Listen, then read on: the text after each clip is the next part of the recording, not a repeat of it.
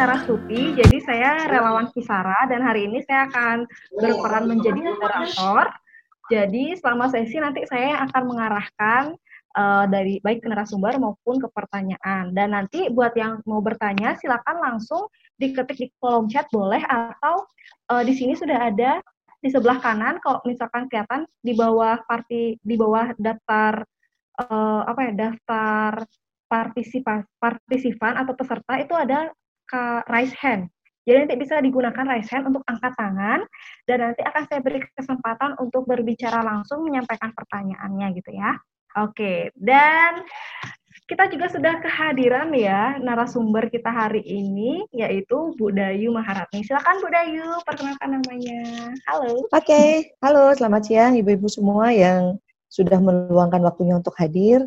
Hari ini kita ngobrol tentang anak-anak kita di rumah, bagaimana kegiatan mereka selama kurang lebih dua bulan ini, yang tentu saja menjadi abnormal bagi kita yang selama ini melakukan perilaku-perilaku normal, yang antarin mereka sekolah, kemudian pulang yang membantu mereka mengerjakan tugas, tapi sekarang dari A sampai Z kita yang support. Untuk itu nanti kita akan ngobrol banyak tentang uh, saya sebenarnya lebih ke praktisi ya, uh, bagaimana sih kita nanti mengasuh anak supaya jangan sampai uh, apa namanya kita melakukan kekerasan psikologis. Kekerasan psikologis itu bentak-bentakin anak belajar, kemudian anaknya jadi bete. Kemarin ada yang viral di uh, sosmed, tuh kan hilang otaknya, yang kayak gitu-gitu ya. Jadi uh, bagaimana supaya itu nggak kejadian. Jadi nanti selama kurang lebih setengah jam kita saya mencoba untuk mengupas lebih banyak ke pengalaman sih karena saya seorang uh, psikolog dari apa namanya uh, psikologi gitu yang mempelajari tentang tumbuh kembang. Saya kebetulan memiliki seorang anak eh, SD kelas 1 dan satu lagi remaja. Jadi lebih mudah. Tapi bagaimana nanti misalnya ibu-ibu yang punya anak ada tiga orang atau dua orang tapi jaraknya berdekatan, yang tentu saja ini membutuhkan apa ya effort yang berbeda dari biasanya. Kalau sebelumnya kita sibuk warawiri antar jemput, maka hari ini kita mesti sibuk warawiri ngeliatin tugasnya belum lagi mereka kalau nulis uh, masih kayak cakar ayam, cakar bebek, cakar apa pun segala macam yang mesti kita benar-benar telaten dan sebagainya. Uh, saya langsung mulai ini, Tina atau gimana? Iya, boleh. Ya itu dia tadi perkenalan singkat dari Bu Maharapni. Jadi sekarang biar kita langsung ya tancap gas gitu ke materi. Silakan Bu Dayu menjelaskan okay. materi hari ini. Uh, terima kasih. Apa sharing gitu ya. Terima kasih Mbak Rina. Ya. Oke, terima kasih untuk kesempatannya. Jadi uh, seperti yang saya sampaikan tadi akan hadir sebuah masa di mana kita nanti menyebutnya sebagai new normal. Setelah pandemi ini berakhir, kita semua akan sama-sama membahas normal yang baru itu seperti apa. Ini semacam breakthrough kayak kayak patahan. Tidak akan ada yang sama lagi setelah pandemi ini berakhir pendidikan kita akan betul-betul berubah polanya. Mungkin kalau uh, ibu-ibu atau teman-teman melihat di apa namanya di di sosmed tentang uh, Bapak Menteri Nadiem Makarim menyampaikan bagaimana daring dan sebagainya yang hari ini sangat sangat kita jadikan acuan untuk belajar itu menjadi sesuatu pembeda yang baru. Bahkan kita sendiri baru menyadari mungkin lama-lama kelas untuk belajar atau mungkin nanti nggak butuh sekolah. Sekolah maksudnya fisik ya fisik untuk kita belajar mungkin nggak butuh lagi karena kita uh, hari ini sudah diajarkan selama kurang lebih dua bulan. Nah tentu saja kita mau ngobrolin tentang selama dua bulan ini saya sebagai ibu, sebagai wanita bekerja, sebagai apa namanya guru akhirnya itu benar-benar harus men-set up ulang time uh, schedule saya. Jadi kalau dulu beres anak-anak sekolah saya mulai bisa mengerjakan pekerjaan saya hari ini nggak bisa. Jadi siapa duluan, prioritasnya berganti. Kita kerjanya kapan, semua by appointment. Seperti itu. Nah lalu yang paling unik ketika kita uh, tumbuh bersama anak-anak itu adalah mereka ini ketika sama orang tuanya kan tergantung sekali sama mood. Jadi kalau sama di sekolah mungkin mereka nggak bisa kayak gitu sama sama gurunya gitu. Tapi ketika sama orang tuanya itu mood yang mendrive mereka sangat luar biasa. Sehingga kita dibutuhkan yang namanya sabar itu dikalikan 10 saat ini. So, orang tuanya juga mesti menata hati sebenarnya uh, dalam situasi begini karena semua tugas, diberikan kepada orang tua, bukan bukan menganggap itu apa namanya beban, cuman kita juga butuh beradaptasi.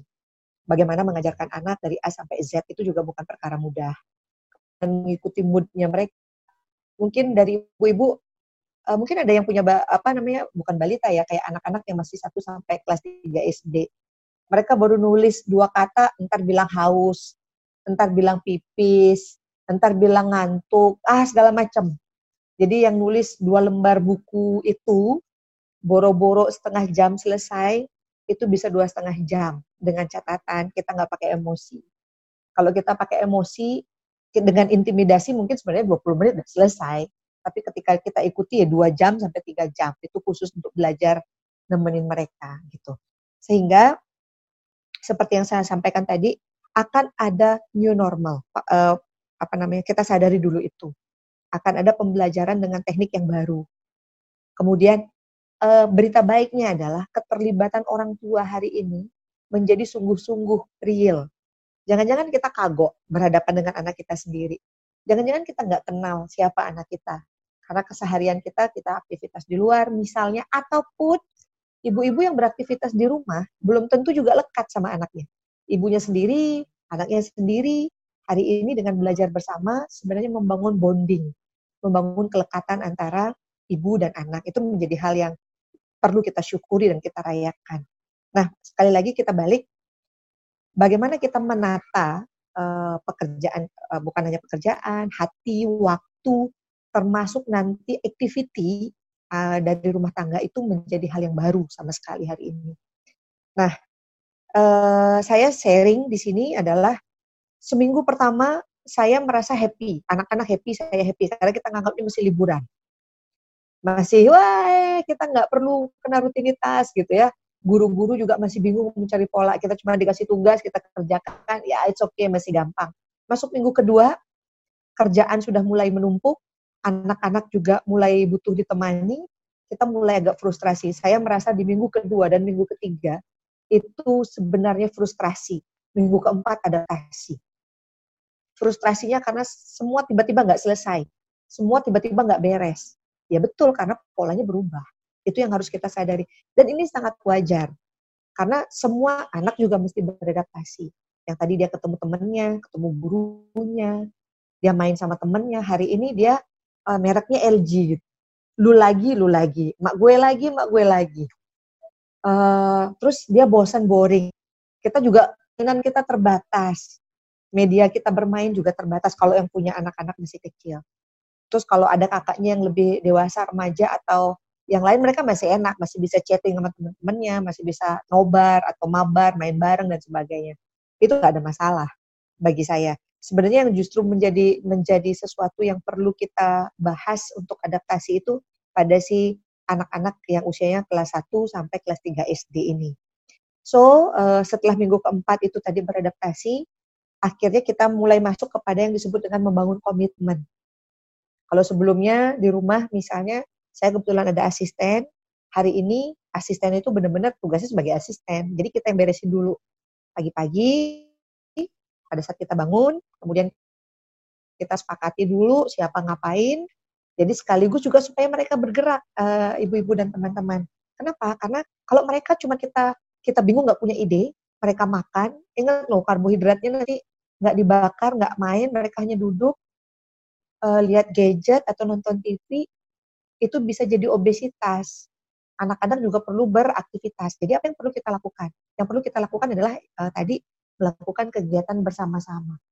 Saya awalnya uh, pesimis ya, apakah anak-anak ini mau gitu diajak untuk kolaborasi, kolaps gitu di rumah, siapa mengerjakan apa. Tetapi pada saat kita duduk bareng-bareng pagi hari, ini berita yang uh, bagi saya berkah ya. Saya juga baru tahu ternyata anak-anak ini mau kok kooperatif kok asal kita ngomongnya baik dan tidak intimidatif. Intimidatif itu maksudnya uh, kayak perintah. Kamu kerjain ini, kamu kerjain ini. No, kita bagi pekerjaan itu dengan kita punya lima pekerjaan. Si A yang paling kecil silahkan memilih pekerjaannya apa. Dan sekali lagi ya ibu-ibu, jangan berharap hasil sapu atau ngepelnya benar-benar bersih iyain aja untuk aktivitas, untuk mereka masuk ke dalam sebuah interaksi. Jadi ya memang nanti be, uh, apa akhirnya atau endingnya tetap kita juga yang beresin supaya ibu-ibu juga nggak obes gitu. Karena kalau kita diam aja uh, sekarang nafsu makannya naik, nggak bergerak, itu justru horor. Keluar-keluar kita nggak bisa keluar pintu gerbang kita sendiri saking besarnya gitu. Jadi biarkan anak kita yang memilih, kemudian kalau saya ada yang sulung, yang sulung memilih berikutnya, sisanya kita. Nah kita sama-sama lakukan, kemudian uh, kemarin kita sama-sama sepakat dengerin musik, jadi musik yang mereka sukai apa, jadi kita agak kencengin radionya gitu atau eh, MP3 dan sebagainya. Jadi kita benar-benar sambil beberes rumah kita sambil uh, nyanyi lah sama-sama kayak gitu. Kemudian kita sepakati jam berapa harus berakhir. Misalnya jam, kalau saya jam 8 mulai aktivitas untuk bebersih rumah sampai kurang lebih jam 9, setelah itu mereka mandi. Jadi mesti mandi sebelum mereka mulai belajar. Jadi nggak ada cerita belajar tapi nggak mandi kan juga cuma di di apa di dalam uh, daring gitu. Nggak mereka tetap harus mandi, tetap harus bersih. Baru kita mulai belajar. Nah kalau saya karena kakaknya sulung sudah SMP, jadi dia sudah dengan uh, apa gadgetnya sendiri mengerjakan tugas dan saya dengan yang bungsu yang kelas satu di sebelahnya. Tapi kita belajarnya sama-sama di sebelah sebelahan karena supaya nggak disangka yang satunya bisa melarikan diri. Uh, alih-alih mereka belajar tapi mereka mas, uh, apa bisa melarikan diri. Melarikan diri tiba-tiba mencet game atau tiba-tiba chatting atau tiba-tiba apalah. Jadi kita perlu belajar sama-sama uh, kita kerjakan di media yang sama nggak mesti di satu meja ibu, tapi dalam satu uh, lingkungan atau satu tempat lah, sehingga kita bisa kontrol dua atau tiga anak kita kalau memang ibu memiliki tiga anak. Sehingga ini menjadi hal yang uh, kita sepakati juga selesai jam berapa, supaya kita juga punya waktu untuk menyelesaikan pekerjaan kita sendiri. Kalau misalnya mereka mulai setengah sepuluh atau jam sepuluh, setelah mereka mandi, sarapan, dan segala macam, itu kita sepakati nanti jam 12 kita jadi break itu terserah, mereka boleh uh, nonton TV. Kan ada juga yang uh, jadwal di TVRI, mereka mesti nonton. Jamnya beda-beda. Nah, itu bisa disesuaikan. Sekarang siapa yang mau nonton TVRI dulu? Uh, kalau yang nggak nonton TVRI, ya udah uh, belajarnya di bawah supaya nggak keganggu. Uh, kalau ada suara dan TV dan segala macam mungkin ada yang keganggu. Tapi pada saat nonton TV tidak dengan kita, gadgetnya nggak boleh dibawa. Jadi ya nonton nonton aja gitu. Kalau mau bawa buku silahkan tapi no gadget. Tapi kalau mau belajar bareng, kebetulan jadwalnya udah nggak ada TVRI, kita sama awasi. Kemudian jam 12 kita sepakati break. Jadi PR-nya udah selesai atau tugas sekolahnya atau belajar sekolahnya sudah selesai, kita break, anak-anak istirahat, kita kasih acara bebas ke mereka, kurang lebih sampai jam 3 atau jam 4. Saya menyelesaikan pekerjaan saya sendiri. Eh, yang ada di kantor atau apa pun lah itu aktivitas saya personal gitu. Kemudian jam 4 sore kita mulai lagi aktivitas. Jadi ada yang mengerjakan menyapu, menyiram, dan sebagainya. Karena kebetulan saya punya kebun, jadi anak-anak ada di kebun, tapi nggak lama. Mungkin sekitar setengah jam atau satu jam. Setelah itu, sekarang layangan anginnya masih bagus, jadi anak-anak silahkan bermain fisik. Fisik itu bukan main fisik pukul-pukulan, tapi uh, silahkan beraktivitas. Mereka main badminton, kemudian uh, apa namanya bermain layangan gitu, sampai kurang lebih jam 6. Nah setelah jam 6 uh, eh, sore mereka mesti mandi, kemudian kita uh, apa namanya kembali lagi buatkan schedule activity, uh, misalnya kita makan sama-sama, kemudian kita doa sama-sama, kemudian kalau kita punya games yang bisa kita mainkan sama-sama, itu sangat baik kita lakukan dari jam 8 sampai dengan tidur kurang lebih jam 10, jam 8 sampai jam 10 kurang lebih. Jadi mereka juga punya waktu, dan nanti bisa juga pakai Google Family ya. Jadi ibu-ibu dan uh, mungkin teman-teman yang lain ada Google Family. Jadi waktu mereka seles setelah selesai istirahat siang, itu mereka nggak apa-apa main gadget sebentar. Karena mereka nggak mungkin tanpa gadget anak-anak zaman sekarang. Cuman kita mesti bijak. Ada uh, family apa Google Family Link. Jadi ada waktunya kita buka. Kayak Zoom persis kayak gini. Jam satu dibuka, jam 3 close lagi gitu. Jadi udah dan uh, situsnya kita uh, batasi. Jadi kalau memang ada situs-situs yang harus ditutup itu bisa dilakukan minta bantuan sama teman yang bisa memblok uh, situs-situs yang kita nggak mau anak-anak kita tonton, kekerasan, pornografi dan segala macam. Itu uh, bisa minta bantuan. Punya saya sudah saya lakukan dengan blog. Sehingga pada saat malam kita review hari ini menyenangkan atau gimana, kemudian uh, sampaikan mereka cerita dan mereka cukup biasanya mereka lebih dekat sama kita ya semua mereka ceritakan dan kita sekarang benar-benar menjadi sahabatnya gitu, bukan menjadi monsternya. Karena kalau misalnya kita mengintimidasi mereka, ya itu tadi, saya mengalami dua minggu itu pusing menentukan pola dan akhirnya pola yang saya lakukan itu ketemu uh, seperti yang saya ceritakan tadi. Uh, untuk sharingnya seperti itu. Jadi sekali lagi anak-anak juga uh, perlu uh, normalnya adalah mereka tetap jadwal makannya harus baik, aktivitas fisiknya harus tetap dilakukan, kemudian mereka juga belajarnya didampingi ada waktunya, jadi bukan kita yang ngikutin maunya mereka gitu. Uh, satu lagi, saya mengalami kesulitan sebenarnya pada saat harus merekam video. Hmm. Kan sekarang pelajaran itu nggak mesti cuman sekedar apa namanya, nggak cuman sekedar menulis, tapi mereka uh, juga buat tutorial, mereka juga membuat uh, apa ya olahraga yang direkam dan segala macam. Dan itu itu butuh waktu yang lain lagi yang spesifik. Karena itu memang benar-benar mood. Kalau anak lagi nggak mood sama kamera susah. Jadi ini yang agak uh, saya biasanya membangun komitmen lagi mau di syutingnya untuk tugas sekolah jam berapa. Jadi komitmennya dari dia. Misalnya dia bilang aku mau nanti sore jam 3 oke. Okay. ibu siapkan jadwalnya jam 3 kurang lebih kayak, kayak kita kayak uh, sutradara kayak kita gitu skripnya kayak gini ada yang mau ditambahin dia bilang aku mau yang kayak gini. Oke. Okay. jadi kita lebih benar-benar uh, apa interaksi sama mereka. Jadi jam 3 saya me mencoba tidak memanggil dia gitu. Saya mau mengetes saya cuman uh, liatin jam dan ngeliatin dia dia cukup aware biasanya gitu karena tanpa bentakan. Biasa kalau tanpa bentakan itu lebih menyenangkan. Bu memang harus sabar ya. Tiga minggu waktu saya beradaptasi untuk itu. Itu bukan waktu yang mudah. Tapi akhirnya menjadi hari ini menyenangkan karena kita menjadi interaksi bukan sebagai uh, apa namanya diktator dan mereka adalah yang dijajah tapi as a friend. Itu yang yang uh, kompensasi dari tiga minggu saya frustrasi menjadi seorang ibu. Karena ini nggak ada di bangku kuliahan. Waktu saya pelajari tentang psikologi perkembangan. saya manajemen yang berbeda sama sekali gitu. Oke Rina, mungkin kita bisa lanjut ke sharing session, mungkin sama ibu-ibu supaya lebih banyak kita diskusinya. Saya rasa begitu. Oke, oke, makasih Bu Dayu atas sharingnya. Nah, Rina kelupaan Ibu tadi lupa ngajak kenalan kan eh, ibu-ibu uh, cantik yang sudah hadir ya, sudah ada dua orang yang membuka kameranya ya. Oke, kita kenalan dulu ya mungkin ya uh, ke Bu Eka Yani dulu. Halo Bu Eka Yani. Halo, selamat siang. Iya, mungkin selamat boleh di... Eka. Nah, Bu Eka boleh gini ya Bu cerita, mungkin uh, Ibu kok tadi kan Bu Dayu kan tadi cerita punya dua orang anak gitu kan. Nah, kalau Bu Eka gimana? Uh, kebetulan saya punya tiga anak, terus jaraknya tuh deket-deket. Jadi yang pertama itu kelas 2 Oke. Okay. Yang kedua TK kecil, yang ketiga dua setengah tahun. Oke, okay. saya kebayang Bu Eka semangat ya. Aduh, iya bayangin aja udah rempong ya. Iya betul, semangat Bu. Hmm. Jadi ya gitu, jadi awal-awal kan uh, ceritanya kalau kita bikin tugas masih santai ya, seperti kata Bu Dayu tadi masih santai. Kemudian mulai minggu kedua mulai teratur karena uh, sudah sudah ada mungkin dari pengalaman dari minggu sebelumnya mungkin gurunya sudah uh, ready nyiapin tugas yeah, buat minggu yeah. itu apa tiap hari tiap hari.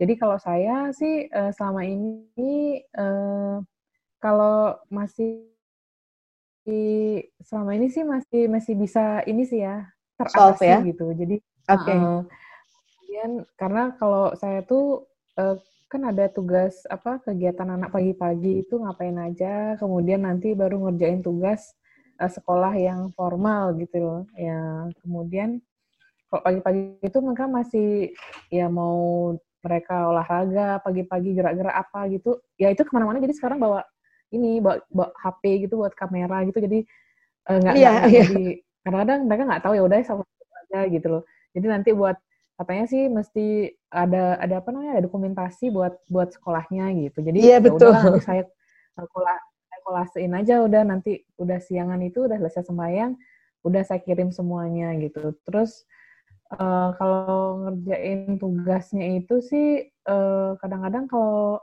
katanya budaya itu yang yang kalau lebih susah itu yang kadang buat video itu gitu. Mm -hmm. Jadi uh, kita belajar juga gitu. Jadi saya juga belajar gitu. Uh, ini gimana ya, mesti gimana ya biar bagus, biar menarik gitu, biar anak-anak juga ngerti, temannya lihat juga seneng gitu loh nanti karena videonya di temen yang bisa saya juga anak saya. Nah, nah kebetulan nama anak saya Nana yang yang pertama kelas 2 SD Nana hmm. maunya gimana gitu. Kalau mama sih uh, uh, saya tanyain dulu dulu tugasnya apa mah gitu jadi dari kemarin malam sih sebenarnya saya udah mulai yeah. lihat jadwal besok itu ngapain aja. Jadi saya bisa pikirin, oh besok dia gini, uh, kerjaannya gini-gini. Jadi saya bisa, ya kalau misalnya cuman buat tugas halaman sekian gitu, oke okay lah bisa santai dulu dikit. Tapi kalau misalnya harus mesti buat apa gitu, gampang iya. Ya buat prakarya apa baling-baling atau apa harus mesti nyiapin kertas origami segala macam gitu kan. Nyariin dulu dia kayaknya punya masih persediaan itu maksudnya membantu menyiapkan gitu. Uh, Bapaknya ikut ini enggak? Bapaknya ikut berinteraksi nggak untuk misalnya bantuin prakarya? Uh, karena soalnya kadang uh, papanya kan masih kerja uh, kerja hmm. budaya jadi uh, kalau pagi itu memang ya. uh, nggak nggak ini jadi kecuali kalau misalnya uh, untuk besoknya uh, kadang-kadang hmm. kalau kebetulan papanya dokter jadi kalau sorenya ini nggak praktek kira-kira besok tugasnya kalau ada yang buat prakarya baru ini kira-kira menanyakan gitu loh jadi hmm. kayak gimana kayak gimana gitu jadinya uh, saya kasih masukan sedikit karena gini biasanya kan kalau dalam situasi gini anak-anak itu hampir 90% sama ibunya. Mm-hmm. Sangat dekat sama ibunya. Jadi uh, yang saya alami biasanya di sekolah anak saya yang namanya prakarya atau selain belajar yang tiap hari itu biasanya dikumpulkannya nggak hari itu karena menunggu mood. Jadi orang uh, di sekolahnya itu lebih fleksibel. Mm-hmm. Nah pada saat misalnya nanti uh, papanya anak-anak lagi memang belum bekerja atau kebetulan lagi libur, ada baiknya ketika prakarya itu biar didampingi juga hmm. supaya bonding antara anak dengan dan juga hmm. sehingga mereka uh, apa dengan dari ayah dalam bentuk prakarya atau apa pun misalnya nih buat layangan kalau saya punya anak laki-laki hmm. kalau yang perempuan mewarna minimal yang gambarin bapaknya deh hmm. gitu iya, iya, iya. jadi yang putri uh, mewarna sehingga ada activity dan kita bisa juga dokumentasikan hmm. pada saat nanti mereka tumbuh besar dewasa itu bisa menjadi something yang ini loh waktu kita dulu segini deketnya kayak gitu-gitu di rumah paling kalau ini sih di rumah selama ini kan juga uh, lebih kalau sore sih lebih banyak waktu sih papanya hmm. paling mereka uh, kebetulan anak saya lagi belajar main piano gitu jadi hmm. papanya main gitar jadi mereka ngejam okay. gitu bareng-barengnya juga iya iya bagus bagus gitu kayak gitu asik, sih asik ya uh, Iya, nggak ada masalah. Yang penting ada interaksi, ada interaksi dan itu bisa di YouTube kan. Jadi dokumentasi kan. Uh, iya sih, soalnya okay. aman aja sih budaya kayaknya. cuman, cuman yang dua setengah tahun itu biasanya Aduh. jadi emperor ya. Iya benar, benar banget. Jadi kalau saya tuh pagi-pagi harus uh, uh, tugas anak-anak belum lagi TK-nya ini kan yang TK kecil juga kadang-kadang ya suruh buatin tugas juga gitu temen nggak se hmm. serempong yang yang kelas SD. Uh, jadi kalau misalnya kalau udah tugas selesai gitu udah selesai misalnya udah kebetulan mereka pagi-pagi itu uh, mah buat tugas itu. M mereka yang yang yang yang yang nyuruhin gitu loh. Jadi kalau tugas beres jadi mungkin mereka bisa aktivitasnya lebih jadi siang saya kadang-kadang aja abis bangun tidur tuh bikin kadang-kadang bikin camilan apa gitu. Jadi mereka lebih tenang mungkin gitu. Jadinya mm yang kecil ini yang kadang-kadang uh, ngerecokin gitu ya emperor. bikin bikin anunya tuh keluar. Oh iya iya iya memang umur segitu. Terus lucu tapi juga ya gitulah. Iya. Iya. Iya. Wow, oke, okay, makasih ceritanya Bu Eka. Jadi hmm. uh, kok da menurut Bu Dayu sebenarnya praktek dari Bu Eka iya, sendiri ini udah udah apa ya? Udah baik dan seimbang ya sebenarnya ya, sudah membagi sudah, waktu. Sudah, ada ada berbagi tugas, berbagi waktu. Cuman memang kita yang pertama-tama itu aja sih yang di kalau saya kan saya bilang tadi minggu pertama feel free gitu. Minggu kedua frustasi. Tiga minggu. Iya karena tiga masih ada sisa-sisa frustrasi. Iya, setelah itu baru adaptasi. Lebih ngerasa enak. Oh iya, yang dulu cuma nganter jemput, emang itu sih capek iya. gitu. Cuman kalau sekarang jadi jadi guru di rumah itu kadang-kadang, waduh, susah banget. Kita tuh diajarin benar-benar menjadi ibu seutuhnya tuh ya saat ini loh. Melatih kesabaran. iya, menjadi ibu seutuhnya hari ini. Iya. Ha, apa kok? All the time sama mereka. Iya perannya ganda bu ya selain uh, sebagai bukan ganda sayang triple bukan ganda lagi ada Oke. Okay. Kita itu kan kemarin udah ngobrol sama Rina. Ini sekarang bukan hanya guru rupake. Sekarang uh, apa namanya juga jadi guru pengajian.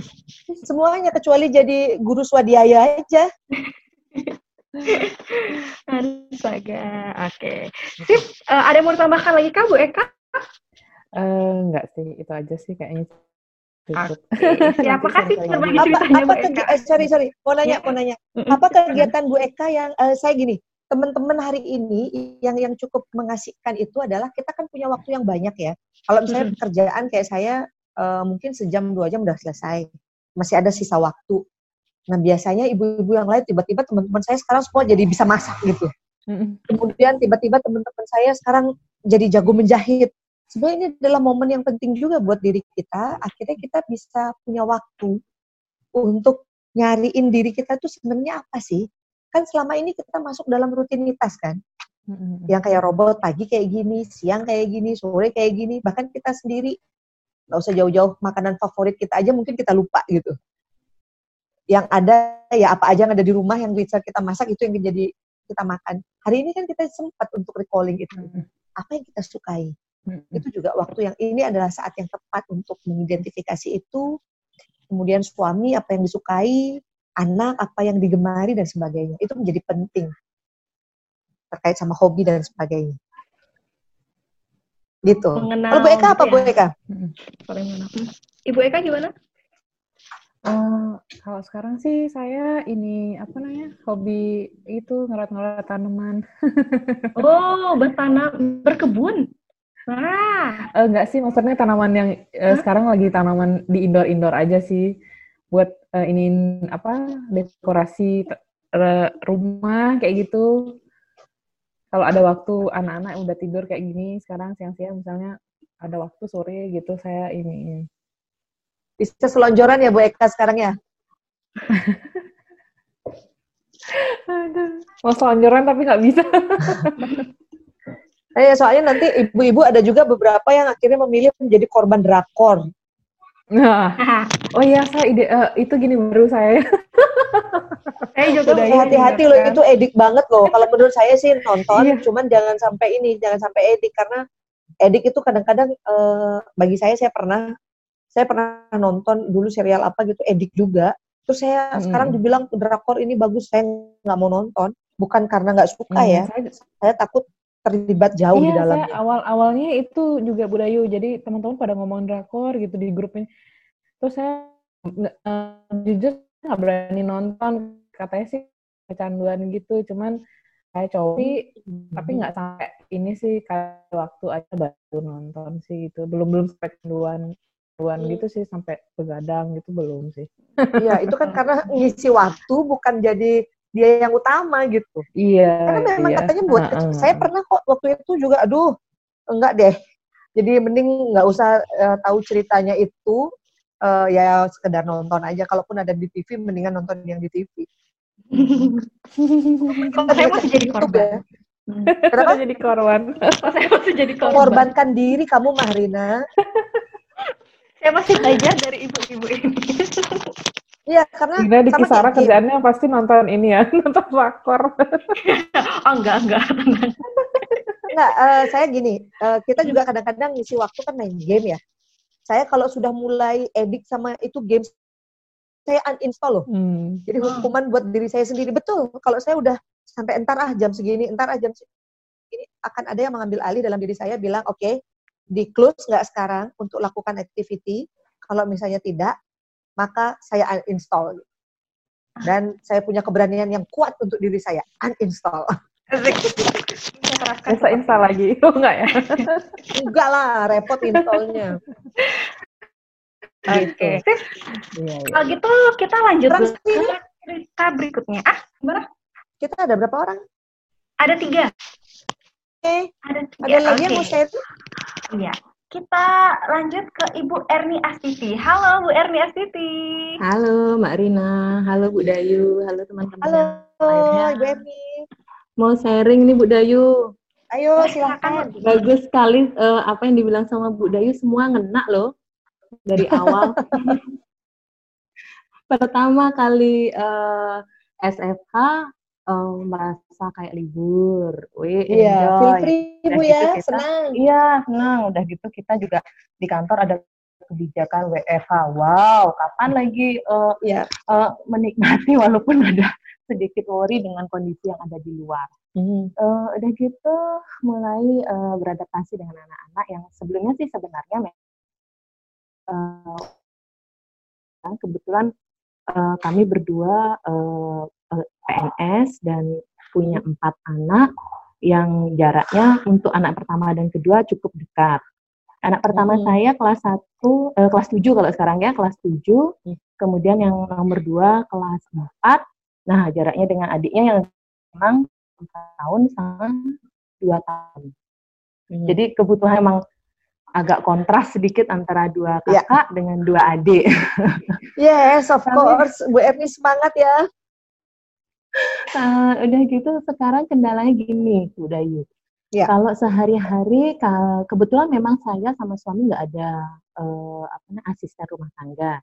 Mm. Jadi kami uh, bagi tugas, termasuk menghandle anak-anak. Kebetulan suami mau diajak untuk sharing dan uh, kami punya uh, punya beban masing-masing, maksudnya punya tugas masing-masing. Uh, apakah anak yang kedua sama sama bapak atau anak yang pertama sama saya dan dan sebagainya. Nah, sekarang ini mulai uh, beradaptasi dengan SFH itu uh, mengatur jadwal karena anak-anak ya. itu uh, belum mereka belum berpikir bahwa uh, sekarang mereka SFH itu sebenarnya uh, porsi untuk belajar atau beban untuk belajar, tanggung jawab untuk belajar itu sama seperti sebelumnya. Mereka menganggap hmm. bahwa dengan SFH saat ini tuh mereka libur gitu loh. Hmm. jadi hmm. Jadi uh, cukup lumayan susah membuat mereka uh, punya tanggung jawab untuk itu. Dan hmm. sudah berusaha untuk uh, seperti yang Bu Dayu sharing tadi untuk membuat jadwal saya uh, duduk bersama dengan mereka uh, berdua ini dengan kakak-kakaknya berusaha membuat jadwal dari bangun pagi sampai dengan tidur.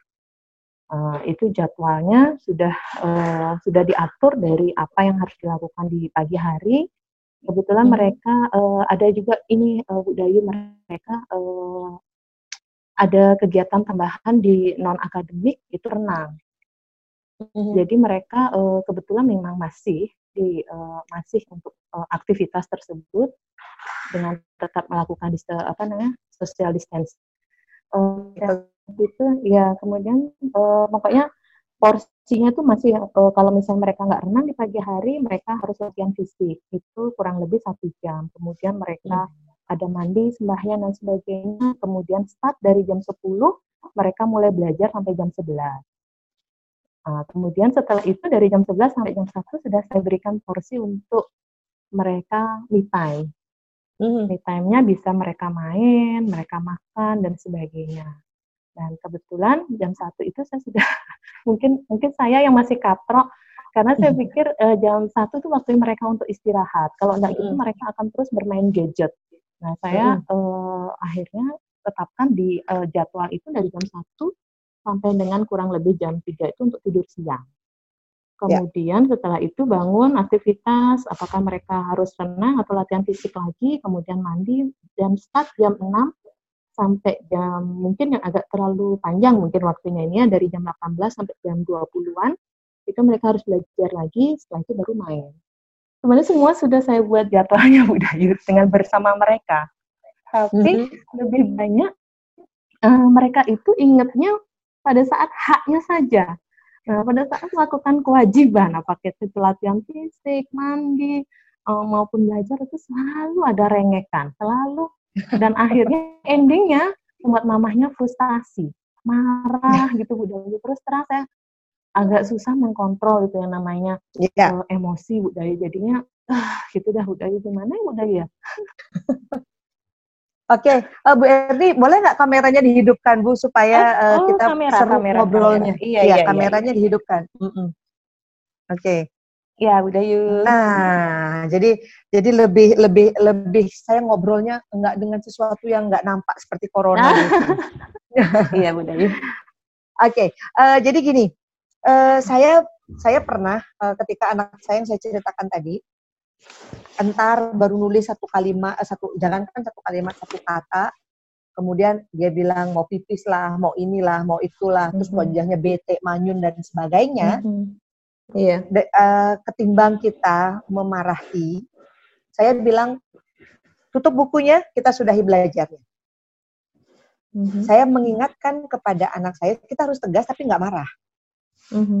beda kan ya jadi marah sama tegas itu dua hal yang berbeda kita hmm. sering kali uh, tanpa kita sadari adalah memarahi anak-anak kita, tapi kita tidak mendapatkan uh, apa ya poin dari apa sih itu gitu. Jadi pada saat saya saya juga bete bu sebenarnya ketika anak saya dikit-dikit alasan itu wajahnya manyun dan sebagainya yang punya PR dia, kenapa jadi dia ya, yang bete betul, gitu kan kasarannya betul, betul, gitu. Betul. Iya, udah, Terus saya bilang, oke okay, tutup bukunya, uh, tugas ibu sudah selesai, PR-nya tidak diselesaikan kan tidak apa-apa. Nanti kalau uh, nanti memang pada waktunya ditanyakan pada oleh gurunya, kita tinggal video call dan sampaikan alasannya kenapa tidak menyelesaikan PR. Saya sampaikan seperti itu pada anak saya. Dan saya memang betul-betul tutup, tidak ada kompromi. Saya beresin semua alat belajarnya, kayak ngambul gitu lah Bu. Tetapi uh, apa namanya? Tetapi kita nggak menunjukkan peringai wajah yang marah, tapi saya bilang, saya tegaskan bahwa kita selesai, sudah selesai belajar. Tidak usah dipaksakan. Lalu apa yang terjadi pada dia?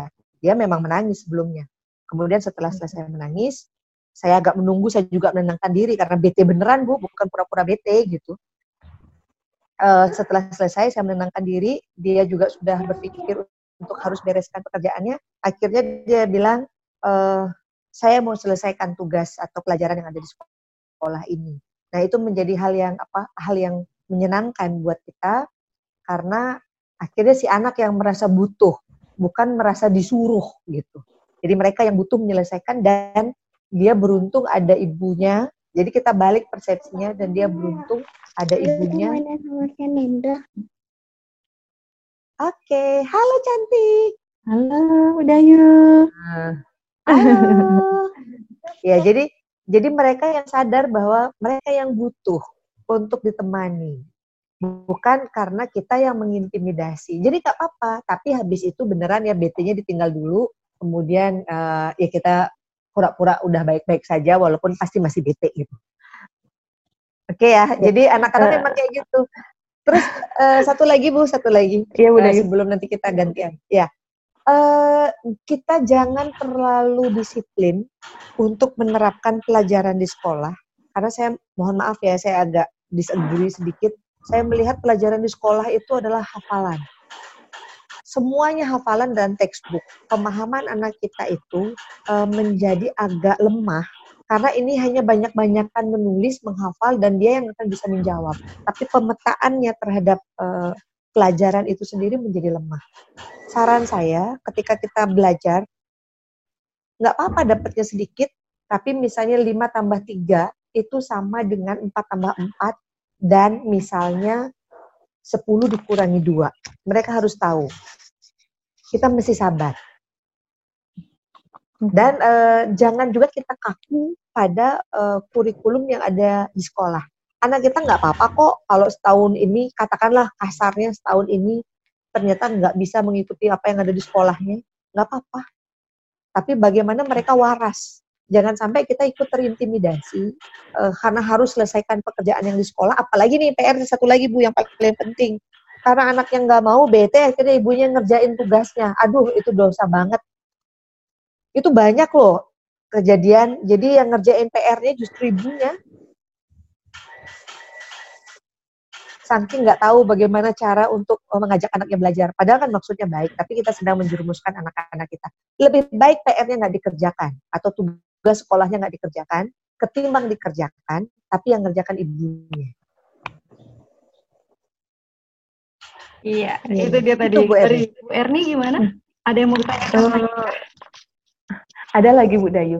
Uh, gimana itu dah tadi uh, uh, apa namanya Bu Dayu menyampaikan bahwa bagaimana menumbuhkan menumbuhkan uh, semangat atau atau gini untuk tingkat anak yang remaja itu mereka kan seharusnya sudah tahu tanggung jawab Bu Dayu ya. ya. Gimana caranya menumbuhkan itu Bu Dayu ya?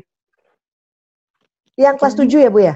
Yang kelas 7 budaya itu juga. Ternyata harus harus saya harus perhati harus yang kelas 7 tuh juga jadinya masih sama seperti saya dengan anak yang kelas 4 ini budaya jadi harus saya hmm. harus mengingatkan. Kemudian saya uh, budaya tadi kan menyampaikan uh, kalau mereka belajar di kamar atau mereka belajar nggak di uh, dalam satu ruangan dengan kita sebaiknya tidak membawa handphone Hmm. Tapi terpaksa dia membawa handphone karena alasannya untuk browsing lah, untuk apalah kan seperti itu. Hmm. Tapi hmm. akhirnya saya, saya tahu bahwa akhirnya dia kabur lah seperti ya ah begitulah bu nggak main game lah buka sosmed lah inilah itulah itu loh budaya hmm, gimana saya ingin ingin bersahabat sebenarnya saya tahu secara teori bahwa semakin remaja dia harus jadi sahabat kita ini ini hmm. budaya jadinya aduh jadinya lebih sering jadi Bu Erni, saya mau nanya dulu. Kan biasanya yang saya lakukan di rumah, ini karena ya kita sharing ya, karena kebetulan saya belajar psikologi gitu. Kalau saya di rumah, mau misalnya anak saya, kita nggak boleh juga, kan teorinya nggak boleh main gadget maksimal 20 menit, itu bullshit, Bu. Hmm, ya, betul, kita sebagai orang tua nggak nggak nggak mungkin kayak gitu. Yang ya, bisa betul. kita lakukan adalah membatasi dan kita iya. kita ajarkan mereka untuk untuk bijak gitu. Gimana sih cara saya misalnya uh, dari anak yang masih kecil ini. Misalnya dia pegang gadget. Saya nggak pernah lalu bilang sekarang juga selesai, nggak. Tapi kita bilang sama dia kalau masih kecil, dia belum bisa ngerti jam, waktu dia belum ngerti jam, nanti selesai nonton YouTube-nya, jarum panjang di angka 6. Hmm. Kita selesai ya. Artinya misalnya 15 menit lagi. Jadi dia punya waktu untuk, oke, okay, aku beresin.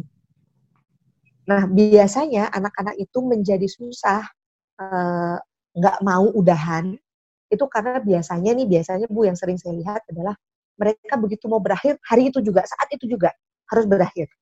Sehingga mereka nggak bisa nggak punya jeda untuk beresin gamenya dulu atau apa dulu gitu. Sehingga dia merasa terintimidasi. Itu yang akhirnya membuat mereka semakin edik sama game. Gitu. Nah kalau yang si kelas 7 ini menurut saya yang saya bilang tadi kalau dia memang lagi belajar nggak apa-apa bawa gadgetnya. Tapi kalau lagi nonton TV misalnya, yang harus nonton TVRI, itu sebisa mungkin dia jangan sampai ngomong aja nonton, tapi dia main-main ke tempat yang lain dengan gadgetnya gitu, Bu Erni. Walaupun Jadi karena Bu Erni empat, karena empat, empat Bu Dayu. Iya. dan ada yang dua tahun. Sebenarnya uh, ada dua tahun. Tapi sebenarnya kalau untuk adik-adiknya dia masih bisa saya kontrol Bu Dayu. Hanya ini saja kalau untuk yang pembagian kayak membagi perhatian atau apa, saya masih uh, terus terang uh, masih bisa menghandle itu. Cuma itu saja, hanya menumbuhkan uh, semangat untuk belajar saja. Itu aja kendalanya Bu Dayu. Papahnya juga okay. nyerah.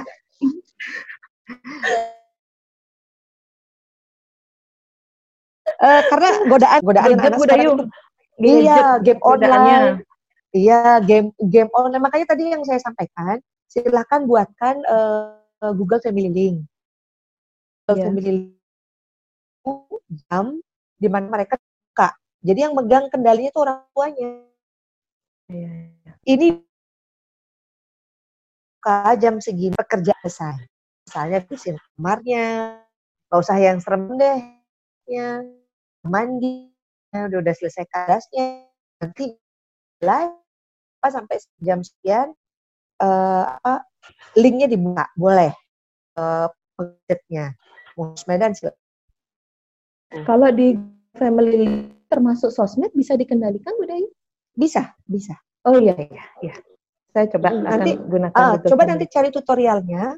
Kalau uh, sosmed bisa bahkan kalau saya kemarin dibantu sama temen yang memang ngerti IT, ada beberapa situs atau konten yang bisa diblok juga di YouTube. Jadi anak-anak nggak bisa akses barangan. Kalau sekarang ini kita buka itu kan bener-bener uh, apa bebas banget ya, bisa akses iya. apa saja itu bisa diblok. Tapi saya memang minta bantuan untuk melakukan blok itu kemarin. Saya juga kurang paham caranya, gitu. Iya. Ya, oh satu lagi, ya, ya satu lagi kemarin uh, anak saya waktu belum diblok, makanya akhirnya uh, apa namanya, saya akhirnya ngeblok itu karena temennya anak saya yang kecil tadi itu ternyata buka situs porno. Hmm. Mereka yang buka karena mereka udah ada anak uh, kelas 2 SD itu udah bisa nulis, udah bisa ngetik gitu. Mereka ketik situs porno gitu nama-namanya kan kelihatan di historicalnya ya yang saya lakukan hari itu adalah saya anggap dia orang dewasa. Anak saya waktu itu masih enam tahun. Saya ngobrol. Ngobrol berdua saja di kamar. Jadi laki-laki kecil ini saya ajak bicara sebagai layaknya orang dewasa. Saya tanyakan uh, tanpa mengintimidasi itu itu itu tantangan ya. Jadi kita nggak usah bilang kita jangan berkata bahwa di, di sana baik-baik saya tidak saya pun anak saya diajak oleh temannya untuk karena waktu itu dia belum bisa ketik anak kelas 2 SD. Saya tanyakan apakah tadi sempat membuka ini apakah benar, apakah iya dan sebagainya. Dia mengangguk. Kemudian pada saat mengangguk saya bilang, anak usia sekian sebaiknya tidak menonton karena tidak baik, belum cukup umurnya. Nanti pada saat umurnya cukup baru uh, boleh misalnya nanti umurnya 20 tahun, saya bilang begitu. Sehingga dia tidak diintimidasi, tidak dimarahi, dan kita ngobrolnya berdua aja. Gitu. Jadi pada saat dia ngobrol apa, kita bicara sama anak kita sendiri, kita bicara tentang rahasia yang tadi kita sepakati. Gitu. Ya. Jadi uh, hal-hal ini menjadi menyenangkan. Kok anggap aja mereka orang dewasa dan mereka memang mengerti. Kita aja yang kadang-kadang kaget ketika kita bicara itu kira-kira uh, masuk akal nggak bisa nggak sih gitu ternyata itu worth it untuk dilakukan gitu jadi uh, kalau ada kesalahan mereka kita bicara berdua saja.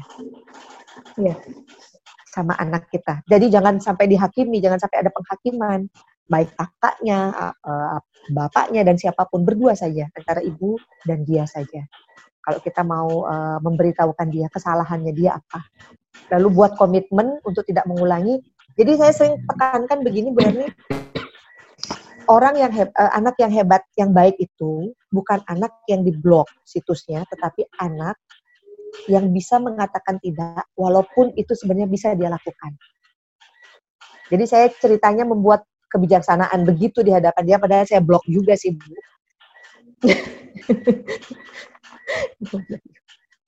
gitu supaya dia merasa uh, oke okay, saya dipercayai gitu Oke? Okay?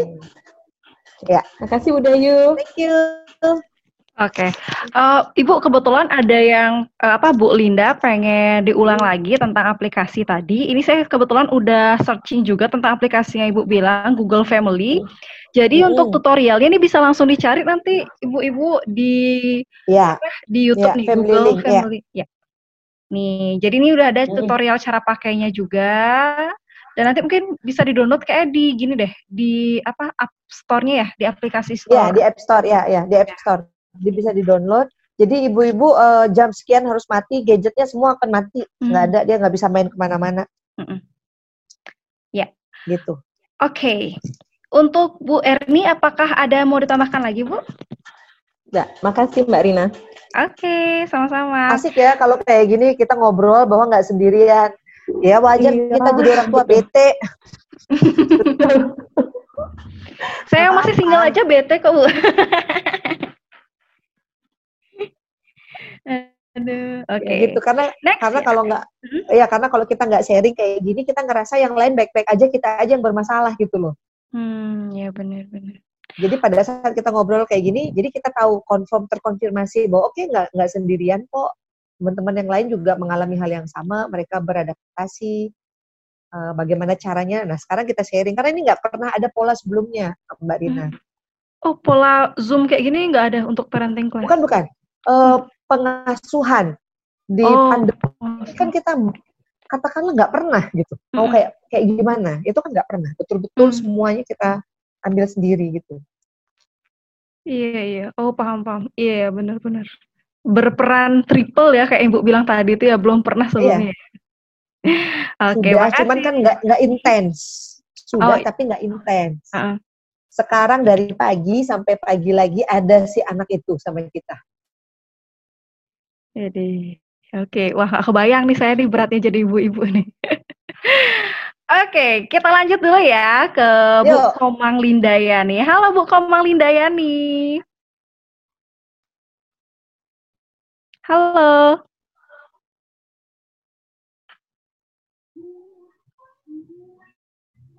Halo, kurang keras Bu suara Bu Komang, Bu Linda. Atau mungkin belum di uh, kalau uh, gini, uh, apa namanya audionya belum dihidupkan. Udah udah, tapi belum ada gerakan ini. Halo Bu Linda. Halo. Oh ya udah udah. Ya. Gimana kabarnya Bu Linda? Uh, baik. Baik, oke. Okay. Ya. Nah, boleh Bu, Bu Linda, sharing dulu Bu. Iya, Gimana, Ibu Linda dengan berapa putra putri Bu? Uh, saya punya tiga anak. Iya. Uh, Usianya Bu? Yang pertama udah SMA kelas 1. Oke. Okay. Yang kedua Baik. SMP kelas mm -hmm. 1. Mm -hmm. Yang paling kecil 4 tahun. Wow, tahu sekali Bu Linda. Iya, bonus itu Bu uh, Dayu. Oke, okay. ya yeah, ya, yeah, good. Iya. Oke, umur 4 tahun ini lagi membangkang membangkang. Oh, luar biasa, luar biasa. Diajarin apa sedang tidak mau maunya ini. Diajarin makan iya. nggak mau.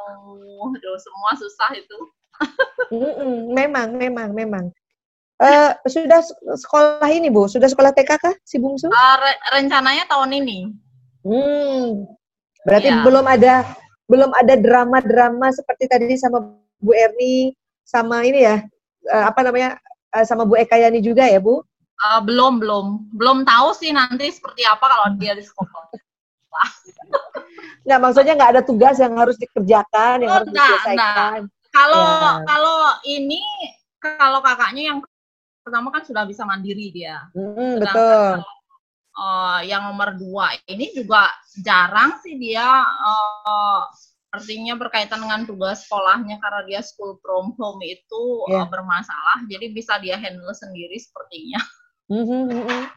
iya ya cuman dipastikan saja bu bahwa putra putri kita walaupun di SMP atau SMA jangan mm-hmm. sampai nanti merasa diabaikan oleh kita karena yeah. kita merasa mereka sudah mandiri kemudian mereka sudah bisa solve problemnya sendiri, lalu uh, kita nggak tanyakan. Kadang-kadang ya. mereka tanpa kita sadari remaja itu juga pengen kok sekedar di say hello, apa kabar tugasnya, udah beres belum? Nah, paling hanya ya. sekedar ya. itu saja jadinya. Uh -huh. Terus paling dia bilang oke okay, gampang gitu segala macam. Mereka jarang mau cerita sama kita biasanya. Ya, ya. Uh. Oke, okay. uh, eh, kalau saya sih sama si sulung kebetulan kelas 8, biasanya kita tanyakan kalau udah selesai, yang saya sampaikan tadi di awal, bisa kita buat aktiviti sama-sama Bu, kalau misalnya udah selesai sebelum jam 12 gitu, kita biasanya rujakan atau masak, masak-masak hmm. apa gitu, yang akhirnya membuat kita satu sama lain uh, semakin lekat lah. Jadi si bungsu yang empat tahun tadi bisa ikut ngerecoki Bu. benar karena benar. dia perlu ruang gitu. Perlu ruang untuk mengacaukan segala situasinya. Iya iya. Betul. Mm kalau aktivitasnya ibu apa bu? Uh, bu Linda biasanya sama putra putrinya? Uh, gimana? Untuk kegiatan Aktivitas. di rumah maksudnya? Iya iya iya. Di rumah? Mm, uh, betul. kalau di rumah sih biasanya ya uh, ya apa membersihkan rumah udah gitu masak gitu kalau biasanya sih yang nomor dua yang suka ikut masak biasanya. Hmm. Oh, ya. itu kan kewajiban, Bu. Iya. Aktivitas ya. yang akhirnya mereka sukai. Kira-kira kita coba nemuin resep baru yuk. Ibu, Ibu lakukan. Oh ya, itu kadang-kadang cuman yang yang mau terlibat tuh yang nomor dua aja, yang nomor satu kadang-kadang aja karena dia cowok mungkin. Mm -mm, Ya, jadi dia lebih sering uh, aktivitasnya tuh sama bapaknya, misalnya okay, main good. PS gitu. yang seperti itu main PS atau misalnya kemarin dia ingin me, me, memperbaiki kamarnya ngecat kamar gitu sama bapaknya. Iya, iya. Oke. Okay. Seperti Ibu Eka tadi ya, jadi uh, bisa ngejam bareng antara anak ya. sama bapak. Yang penting ada bonding Bu, yang penting ada ya, bonding karena ada kalau biasa. sudah SMA, ya sudah SMA jarang senang sama ibunya biasanya lagi. Malu Bu.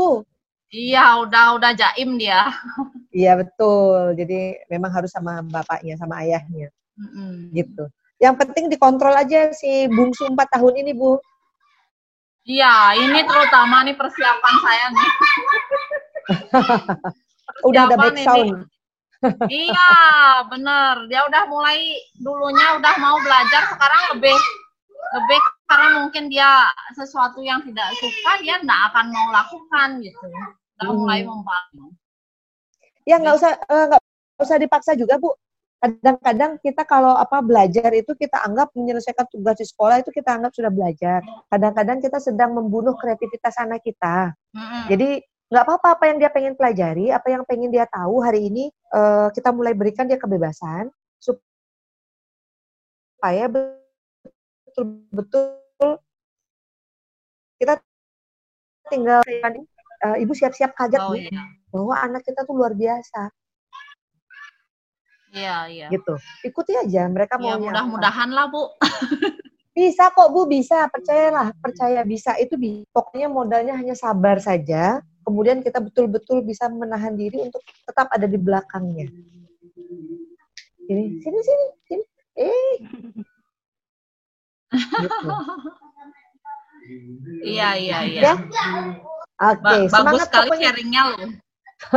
itu bukan sharing bu pengalaman jadi ilmunya yang saya pakai cuma 10 persen yaitu menahan diri sendiri iya ya karena kalau kita belajar bukan belajar ya sharing seperti hari ini kita itu yang paling penting yang paling utama kita dapatkan adalah kita nggak sendirian bu. Kita nggak ya. frustrasi sendirian. Kita nggak uring-uringan sendirian. Itu yang paling penting. Bahwa di luar sana oh pendekatannya yang efektif apa. Oh ternyata anak saya dengan cara begini bisa kok dikasih tahu. Oh kapan kita harus tegas, kapan kita harus lunak, kapan kita harus uh, akhirnya merangkul lagi anak kita, kapan kita harus walaupun uh, sedikit, tapi kalau memang dia salah kita harus berikan punishment misalnya. Kalau dia nggak tentukan komitmen ya udah family linknya nggak dibuka gitu. Mau ngambek mau apa terserah gitu. Iya iya. Oke. Okay. Oke, okay, terima kasih Bu. Terima kasih Sama-sama. Mbak Rina, berikutnya? Berikutnya um, cuma ada uh, gadis-gadis dan pria single ini Bu. Ada Kak Iwan, ada Ulan sama Eka, Kak Eka. Oke. okay. No problem. Yeah. Jadi minimal itu sharing para ibu-ibu tadi. Jadi uh, nanti buat teman-teman yang belum uh, apa namanya bereproduksi, jadi ya uh, pesan saya adalah yang tadi saya sampaikan di awal, anak-anak kita itu tidak akan menjadi tiba-tiba anak yang keras kalau kita tidak mendidiknya dengan keras. Mereka hanya ada aksi, ada reaksi. Jadi apa yang mereka lakukan itu hanya bentuk dari reaksi, dari aksi yang kita lakukan. Kalau kita memberikan sesuatu dengan pelan, mereka mau kok dengerin pelan. Dan ini seperti uh, dosis obat saja kalau uh, tadi Ibu Eka Yani beliau memiliki suami dokter, kalau misalnya obatnya biasa yang paten dikasih generik kan nggak mempan. Jadi mari kita biasakan mengasuh atau mendidik putra-putri kita nanti dengan cara yang smooth aja, pelan aja, nggak usah ngegas. Kalau urusan remeh-temeh itu nggak usah pakai gas atau gigi satu, santuy, gitu ya. Uh, jadi sebisa mungkin pelan ngobrol, kalau memang sangat berat uh, apa yang dilakukan kayak saya tadi menganggap anak saya itu cukup serius ketika dia membuka konten uh, video porno bagi saya itu serius sehingga saya perlu mengajak dia berbicara secara serius gitu. Dan tanpa saya sadari respon anak saya itu saya kan nggak pernah menyangka responnya begitu. Responnya itu dewasa banget. Jadi dia mengerti dia mengangguk dan dia berkomitmen kita salaman. Persis seperti orang dewasa. Padahal dia waktu itu enam tahun. Dan kita berpelukan. Dia berjanji pada saya untuk tidak melakukan itu, walaupun dia memiliki akses untuk membukanya. Di mana saja, kan bisa aja nggak di rumah, bisa aja di tempat temannya. Tapi setidaknya itu komitmen yang dia berikan pada saya. Dan saya hargai itu. Gitu, Mbak Rina dan teman-teman yang masih single. Oke. Okay. Dapat banyak ini ya, dapat banyak persiapan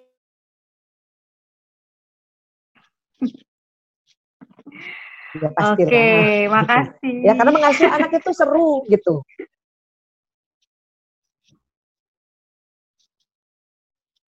Yeah. Oke. Okay. Saya dapat kutipan di mana ya kalau mengasuh anak itu kayak membesarkan sebuah oh, dunia itu. baru gitu. Ya. Kita menyiapkan peradaban baru. Ya. Oke. Okay. Ada lagi yang masuk? Uh, uh. Bentar. Oh ini Bu, ada pertanyaan Bu. Bagaimana sih Bu cara mengatur time schedule itu supaya benar-benar dilakukan dan jadi kebiasaan? Itu hampir sama pertanyaannya dengan Bu Erni tadi ya, saat ya. anak remajanya yang udah SMP, itu nggak mau disiplin. Mungkin boleh kok, tadi kan saran dari Ibu adalah dengan cara tegas. Hmm. Supaya anaknya mau gitu kan dan buat anak itu ber, buat apa ya membatasi diri dan bertanggung jawab gitu ya. kan. Ingat ya kita bukan Selain itu ada ya, oh, kita ya. bukan polisi. Sekali lagi hmm. kita sebagai orang tua kita bukan polisi. Jadi jangan sampai itu peraturannya kita yang dikasih ke mereka. Hmm. Jadi pada saat kita membuat schedule, buatnya bersama-sama, bukan ibunya yang buat, anaknya ngejalanin bukan, tetapi bersama-sama. Kalau kita sekarang ini kan orang agak siangan ya, nggak kayak dulu.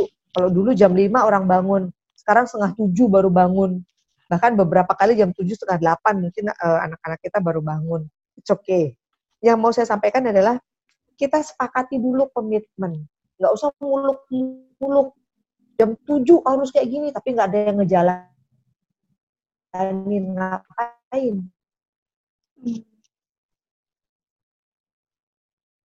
Kalau memang mau jam 8, uh, eh, maunya di mana yang saya bilang tadi, siapa mau beberes kan nggak mungkin, tapi dia pegang sapu.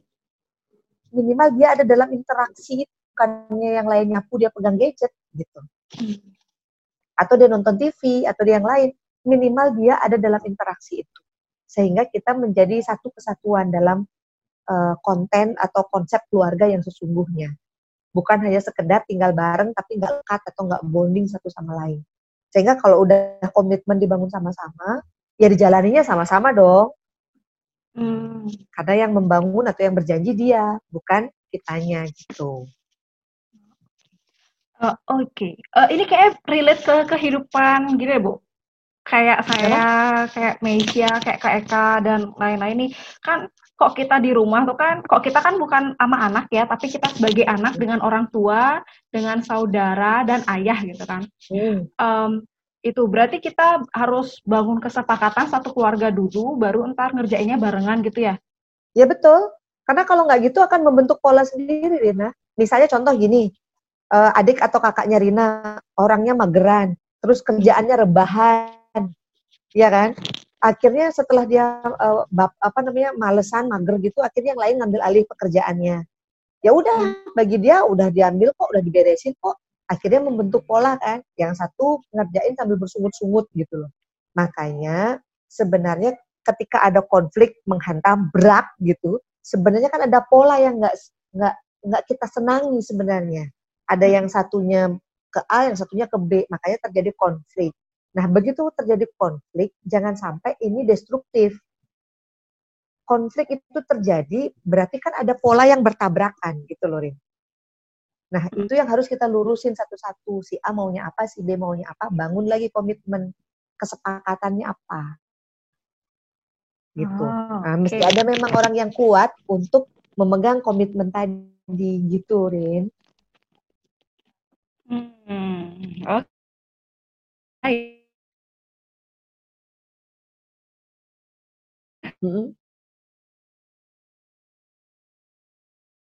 Saya kadang belajarnya oke. Okay. Fokus belajar. Gimana gimana Rin? Halo. Halo. tanyakan boleh Halo. banget. Halo. Halo. Halo ya. Kok tadi ini ya? Gimana gimana Rina? Terputus tadi. Oh terputus tadi. Ya Bu, jadi saya lagi buka sesi pertanyaan lagi. Siapa tahu Ibu Eka, Bu Erni, Bu Linda ada yang mau tanya lagi. Oh nih Bu Eka tadi ada, ada bertanya. Yang, ya, Bu, iya, ini. tadi ada yang untuk anak lima tahun biar fokus. Iya iya iya ini ada Bu. Uh, Bu, bisa Dayu dibantu bacain. Bisa share Bisa bisa. Bu Dayu bisa share nggak ya gimana caranya mengajarkan agar anak fokus? Misalkan dalam uh, misalnya dalam belajar. Karena anaknya Bu Eka Yani ini yang TK yang usia lima tahun kadang banyak komprominya. Dan Bu Eka itu mau ngikutin gitu loh. Mau ngikutin mau anaknya misalkan nih mau belajar hmm. harus ada teh gitu. Misalkan Bu Eka ya mau belajar harus ada teh terus Bu Eka mau nyediain teh gitu Bu Eka. Ah macam-macam ya. ntar tangannya pegel segala macam Rin Oh gitu ya, iya ya. Tangannya, oh dipijat gitu ya? Iya, iya. Drama banget memang mereka itu. Itu gimana? Jadi uh, kalau iya uh, bagi hmm. saya sebenarnya anak-anak ya. usia segitu, anak-anak usia lima tahun hmm. uh, eh, TK, memang kan di kepalanya mereka ini jangan kita berkognitif ya, kita sebutnya kognitif. Itu tuh nggak sama kayak kita. Mereka bukan orang dewasa yang bertubuh mini. Di kepalanya mereka tuh adalah main, main dan main gitu. Nah, kalau kita mau ngelatih mereka untuk fokus, berikan permainan yang bisa membuat mereka fokus, bukan belajarnya. Ya, kalau kita hmm. ngajarin mereka fokus belajar itu nggak fokus sebenarnya. Mereka hanya takut sama kita aja sih. Oke. Bu Eka tadi kayak mau ngomong gimana Bu Eka? Uh, maksudnya uh, misalnya kayak uh, kalau misalnya main pun karena kadang kalau agak putus-putus ya suaranya ya? yang, ya. Main yang apa tuh namanya? Yang buat-buatan sendiri yang kayak Montessori itu loh, Budayu. Hmm, kadang bisa bisa uh, susah gitu. Ngeronce itu uh, ya? Eh, halo? Mainan yang ya, halo, Montessori itu. Halo, iya. uh, uh, kadang-kadang yang kayak gitu pokoknya yang saya lihat ya yang saya lihat-lihat di di inilah di uh, di internet hmm udah mulai teralihkan kayak gitu-gitu. Jadi uh, itu gimana ya cara ngatasinnya apa? Apa saya yang selalu terkesan kayak maksa gitu apa gimana ya? Uh, Ibu kadang-kadang anak-anak kan nggak semuanya suka ya. Kita juga perlu tahu apa yang anak-anak suka, apa yang anak-anak nggak suka. Hmm. Kan itu taktil banget bu. Kalau kalau yang kayak gitu tuh taktil banget. Jadi lebih ke jari-jari jadi jangan juga kita terlalu sering atau terlalu mudah menjudge bahwa anak kita nggak fokus. Ibu pernah ajak mereka main ini nggak? Uh, apa namanya? Misalnya keseimbangan, balok keseimbangan pernah? Mm -hmm, pernah pernah. Apakah dia menyelesaikannya dengan baik? Uh, enggak sih. Terus kira-kira yang lain, misalnya uh, kalau dia misalnya bermain nangkep bola itu bisa bagus?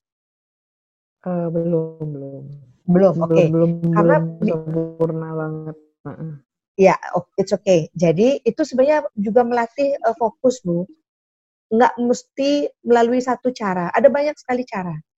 Bagaimana dia berjalan di sebuah papan, kemudian bagaimana dia menangkap bola, kemudian kita bisa latih dengan misalnya bermain badminton, karena itu kan harus fokus mukul bolanya itu dengan apa namanya dengan raket.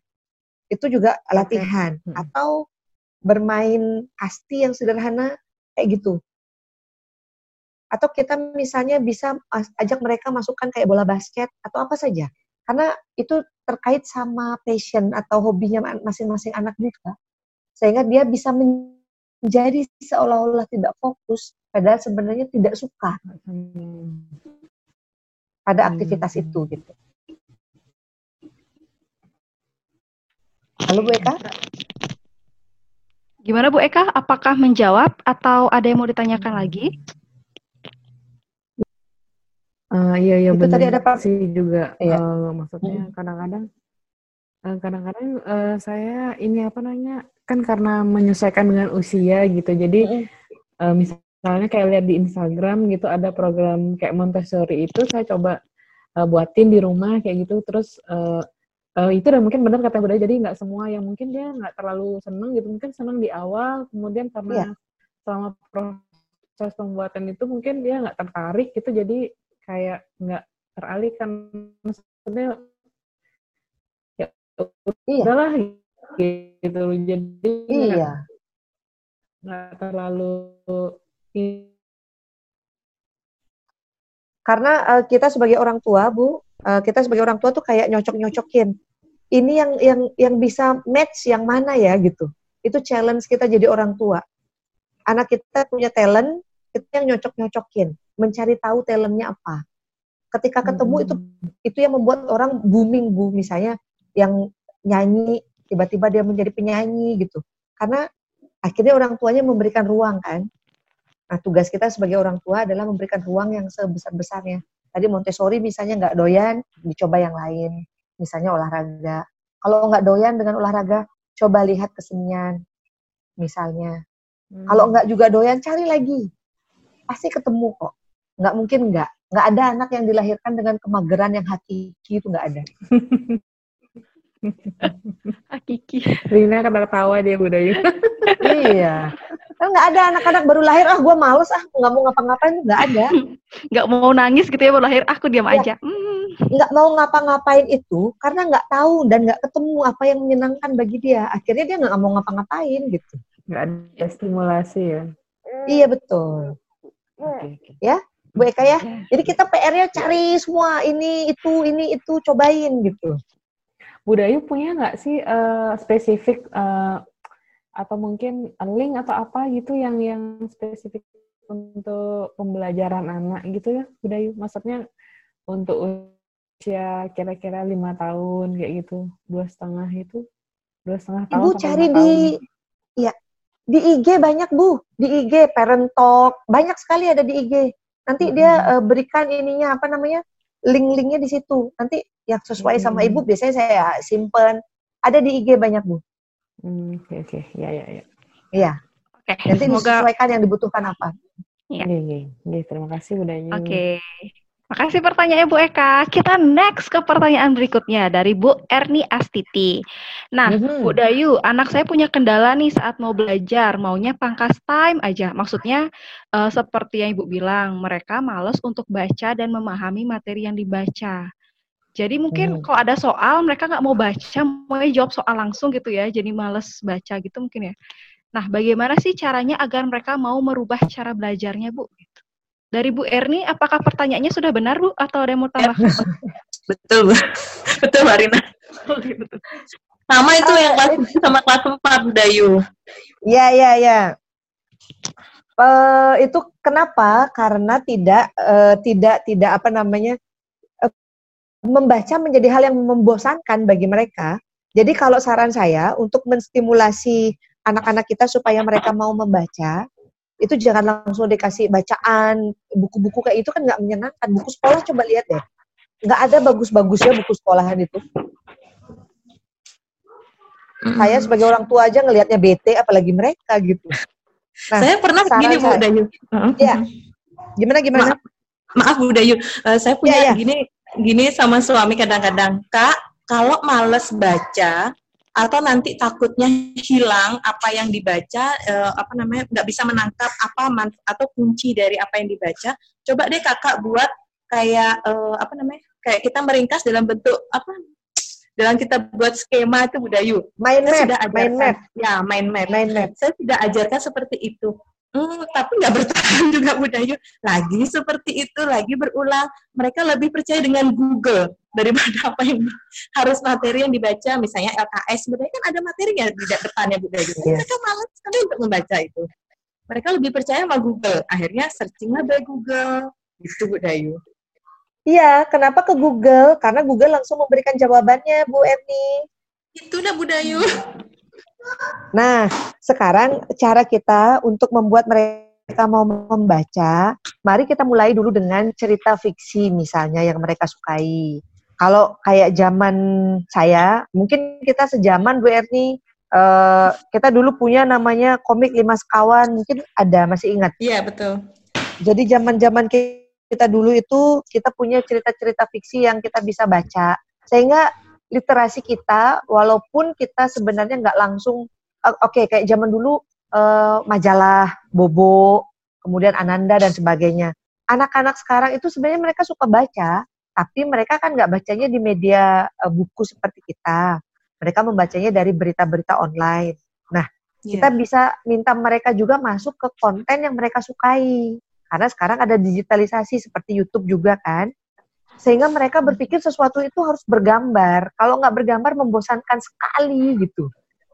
Nah, sekarang kita bisa mencari uh, apa namanya buku yang seolah-olah kesannya itu kayak uh, fiksi, uh, misalnya Wikipedia, bukan Wikipedia ya, apa ensiklopedia tentang penemu misalnya. Jadi ada, gambarnya bagus.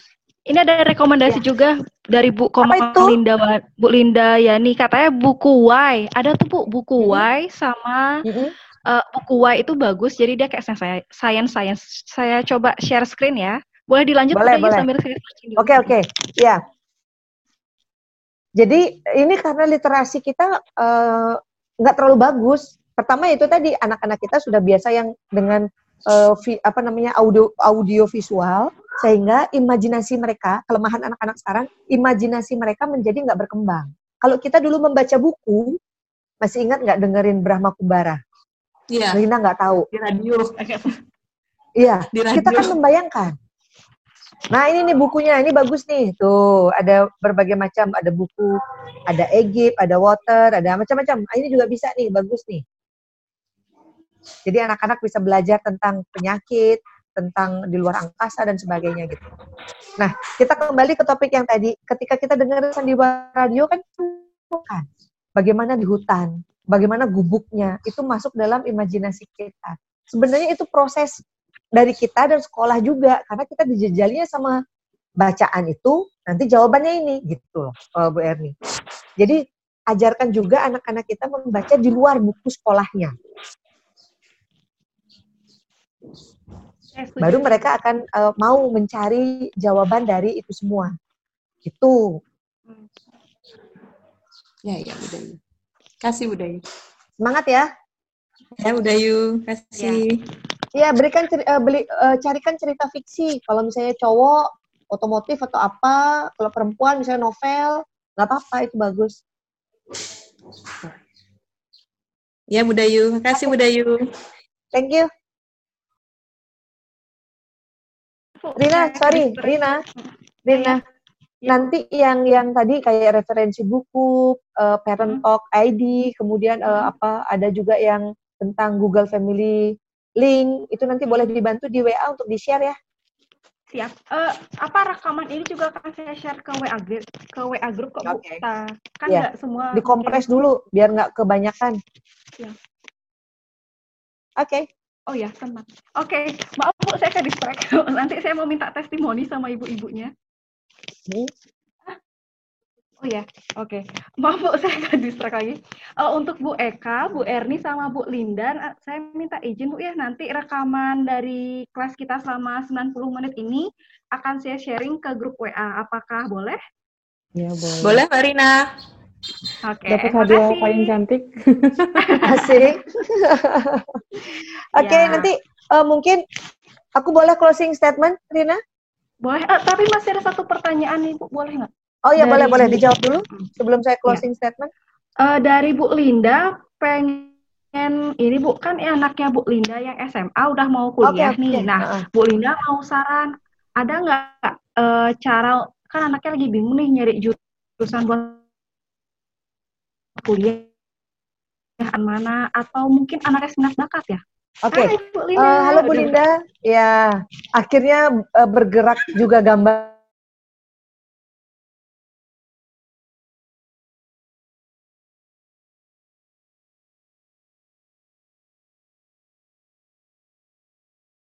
uh, ya. kalau memang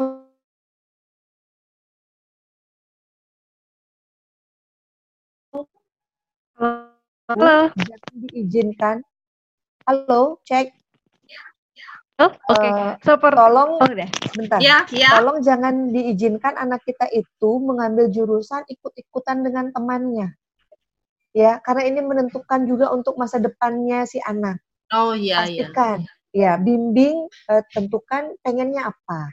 Kalau saya gampangnya mem memancingnya gini, kamu pengen kelihatan keren ketika dikenal sebagai siapa sih? Gitu. Kalau kalau anak saya ini udah gini dia, uh, mak gimana caranya dia tuh kerja yang biar cepat ngasilin uang gitu. Dia jadi pengusaha dong. Kenapa bu? Jadi pengusaha. Iya, saya arahkan dia ke sana karena kalau kalau sekarang uh, pelajaran yang misalnya kayak fisika, kimia dia tidak terpaksa, tapi dia sukanya ke arah yang matematika uh, yang ya kadang udah suka. Mm. Makanya maunya apakah perlu saya ini kan sehingga dia biar nggak salah ngambil jurusan nantinya gitu. Jadi kalau saya sih sama bapaknya nggak memaksakan dia harus memang menguasai uh, fisika atau yang lain karena dia memang nggak mm. suka gitu. Itu budaya. Ibu, zaman sekarang di akan hadir masa di depan nanti kita itu pekerjaan saya bahkan di sini ya, ya nggak mungkin ini berita hoax. Ke depan itu bahkan nggak ada sekolah loh. Oh gitu ya, daring semua ya? Bukan, bukan, bukan hanya daring. Orang akan belajar langsung pada orang yang expert. Oh iya, lebih setuju saya seperti itu, Budayu. Iya, karena karena, karena uh, sekarang sepertinya mau basir ya bukan mubasir, nah, bukan mubasir. Saya gini loh, artinya minatnya mereka misalnya sukanya dia ini, tapi dia harus dijejelin juga dengan ya. banyak hal. Gitu. Itu yang betul, betul. beban bagi mereka. Betul, makanya ketika anak kita misalnya mau menjadi sutradara film, terus dia harus ambil jurusan apa dong di sekolahnya? Iya, betul, betul. Kan? Atau mereka ternyata Lukis, pengen banget uh, apa? Ya Iya, jadi ada banyak pekerjaan yang misalnya dia sangat pengen suka dengan uh, makeup. Pelajaran apa yang harus diambil? Ih, si ganteng. Halo. Iya, Tante Wila. Halo, Tante Wila. Lanjut udah yuk. Iya, nggak apa-apa. Halo, ganteng. Ya, jadi uh, uh, jadi biarkan mereka betul-betul ketemu passionnya Ya, Karena masa depan masa depan nanti orang kalau pengen bertani, ya dia belajar sama petaninya sampai dia berhasil jadi petani. Dia ya. mau belajar masak, dia belajar sama chefnya sampai dia ahli menjadi uh, chef juga gitu. Iya, iya, iya, betul, betul setuju okay. saya itu, Iya. Jadi sekarang uh, tanyakan dia pengen keren nanti seperti apa. Uh, biarkan dia berimajinasi. Saya pengen menjadi pengusaha, pengusaha apa? Iya. Jelaskan dengan lebih spesifik.